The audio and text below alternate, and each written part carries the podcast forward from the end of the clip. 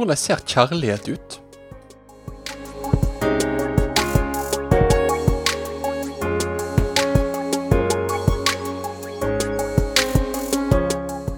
Velkommen til et eh, nytt program av Ord til liv med radio- og TV-pastor Ingvald Kårbø. Podkasten er produsert av P7 Kristen Riksradio, som vil forkynne Jesus Kristus, slik at varig frukt skapes. Vi er takknemlige for alle våre støttespillere.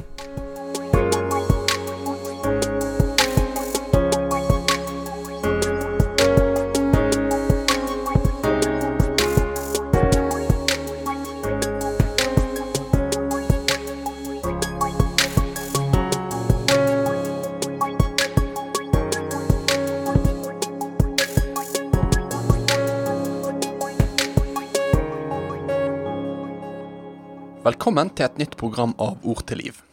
Jeg heller nå på med en serie om nådegave, og jeg har i de siste programmene prøvd å vise hvordan nådegave er Guds gave som han gir til sin menighet, for at vi som tror på Jesus skal verte oppbygde.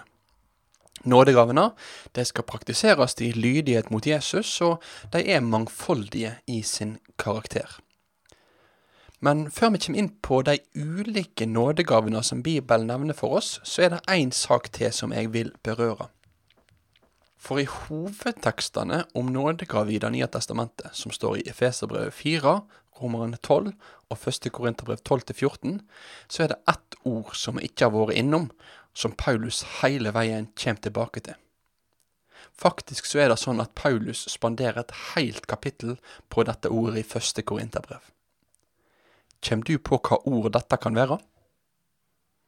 Ordet er kjærlighet, eller kjærleik. Kjærligheten, den er sentral i Bibelens framstilling av nådegavene. For uten kjærligheten så er nådegavene ingenting verdt. Vi skal i dagens program bruke tid på det kapittelet som Paulus gir oss om kjærligheten i første Korinterbrev. Det er første Korinterbrev, kapittel 13. Mange forbinder nok dette kapittelet først og fremst med bryllup. Og det kan absolutt være fine vers å lese i et bryllup, og det kan lære oss noe om kjærligheten mellom mann og kvinne. Men Paulus skrev ikke dette kapittelet her som ekteskapsveiledning. Han skrev det som nådegaveveiledning. Og det er i den sammenhengen vi skal se på dette kapittelet i dag.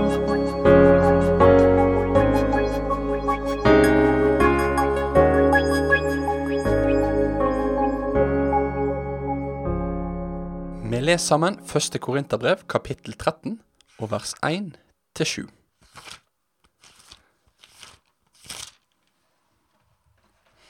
Om jeg taler med mennesketunger og engletunger, men ikke har kjærleik, da er jeg en ljomande malm eller ei klingende bjølle.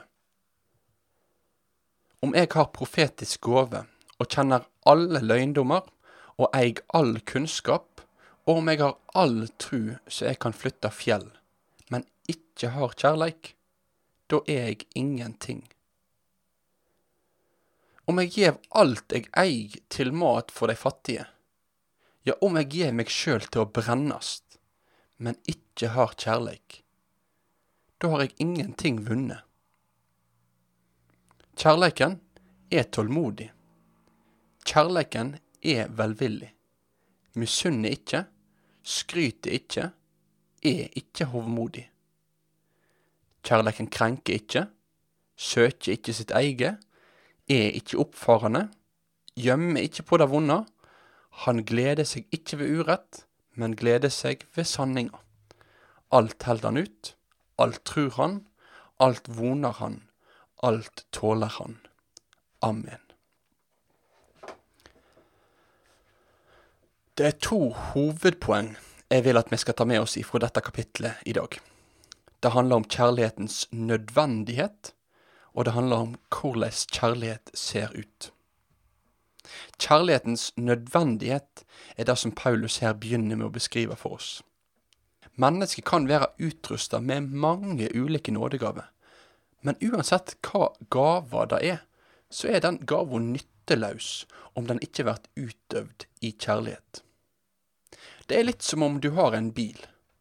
Du kan ha den flotteste og beste bilen stående i garasjen din, men om ikke du har motor i bilen, så er bilen nytteløs.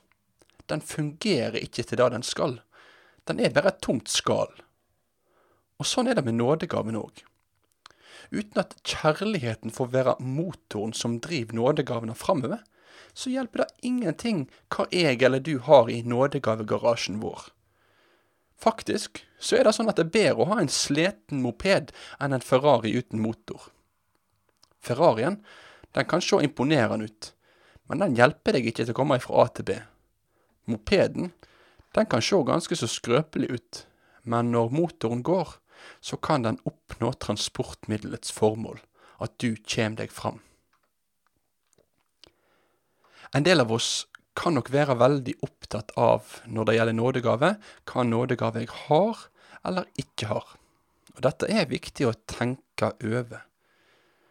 Men viktigere enn å kjenne sin nådegave, er det å leve i kjærlighet til sin neste. Derfor så vil jeg òg på et rent praktisk nivå si at om en er trygg eller utrygg på hva gave Gud har eller ikke har gitt deg, så kan du være helt trygg på at i dag så er du kalt til å elske ditt medmenneske. Om kjærligheten til din neste er ditt fokus, så gjør du rett. Da er retningen på livet ditt på rett vei.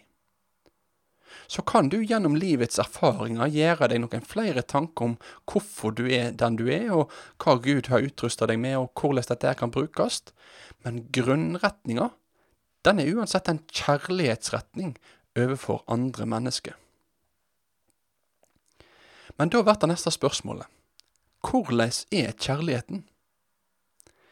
Kjærlighet er helt sentralt i den kristne trua.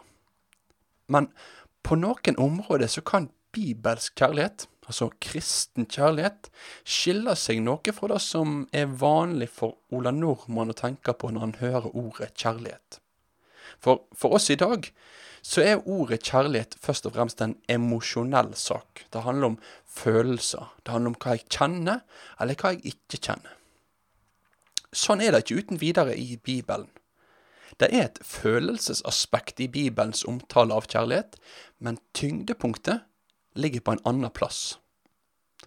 Og for å få fram dette poenget her, så må vi nå ha en liten grammatisk parentes. Kjærlighet, det er et substantiv. Og når vi skal beskrive et substantiv, så bruker vi vanligvis det vi kaller for adjektiv. Det er jo det adjektiv er. Det er ord som betegner egenskaper ved substantiv.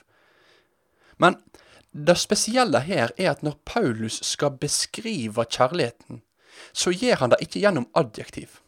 Derimot bruker han i stedet for 15 15 verb. Dette understreker for oss at kjærligheten er ikke noe passivt, det er noe aktivt. Det viser at kjærlighet er handling. Kjærligheten kan bare identifiseres gjennom det som blir sagt, og det som blir gjort. Hva kjærlighet er, det er ikke alltid så lett å svare på. Men hvordan kjærlighet ser ut, det forteller denne teksten oss. Kjærligheten er tålmodig. Den er velvillig. Den misunner ikke. Den skryter ikke. Den er ikke hovmodig. Den krenker ikke. Den søker ikke sitt eie. Den er ikke oppfarende. Den gjemmer ikke på det vonde. Den gleder seg ikke ved urett. Den gleder seg ved sannheten. Den utteller alt. Den tror alt. Den håper alt. Den tåler alt. For all de og mi tjeneste, så er det sånn at vi er kalt til å tjene våre medmennesker. Og i det som Paulus her skriver, så kan vi se hvordan hans beskrivelse av kjærligheten er en beskrivelse av noe som var ganske langt ifra sånn som hverdagslivet var i korintermenigheten. Korintermenigheten var ingen misunnelsesfri menighet. Det var en menighet som skraut. Det var en menighet full av partidannelse på grunn av deres favorittforkynnere. Og det ser ut som at de har hatt ei stor åndelig sjøltillit på grunn av deres nådegaveutrustning. Og hvis du og jeg tenker på våre forsamlinger, så kan nok vi kjenne at det er ikke alltid, ja, kanskje det er ganske sjelden, at vi har opplevd at mennesker har utført sitt tjeneste på denne måten. At den har sett ut sånn som kjærligheten her blei beskrevet for oss i første Korinterbrev. Vi kan oppleve at det ikke har vært en tålmodighet, men en utålmodighet med den som strever på veien. Vi kan oppleve da at vi har blitt såra av egoisme, av gamle strier som igjen og igjen dukker opp. Personer som er mest opptatt av å skryte over seg sjøl. Og så er det så langt ifra den virkeligheten som Paulus her maler opp.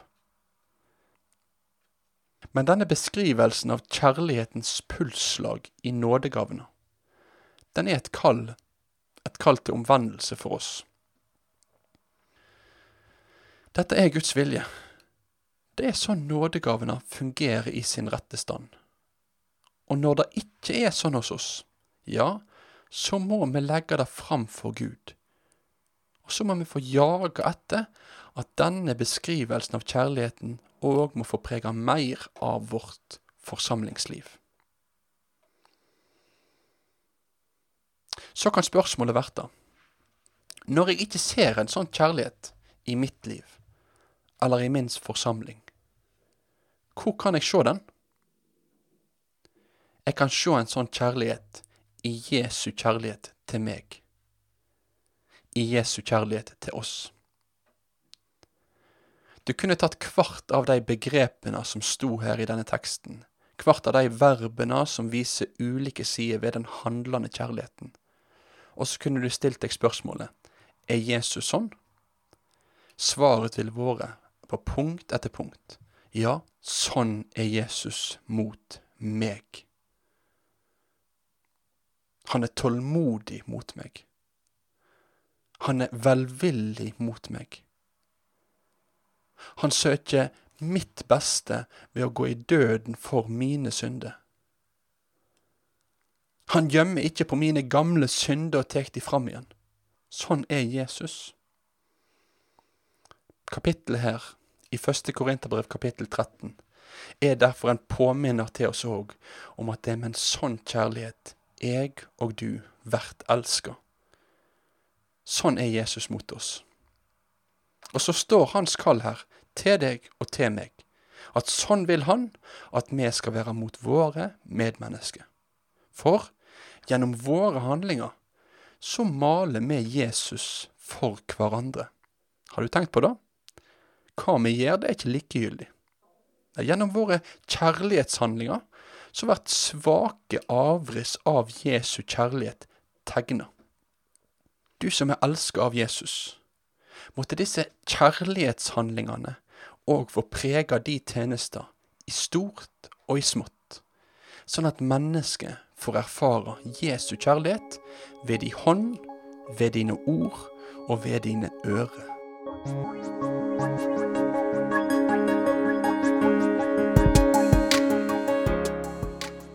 Takk for at du hørte på Ord til liv med radio- og TV-pastor Ingvald Kårbe. Vi håper at podkasten har fått vært til velsignelse for deg. Og Har du tilbakemeldinger på det du har hørt, ta gjerne kontakt med oss på otl krøllalfa p7.no.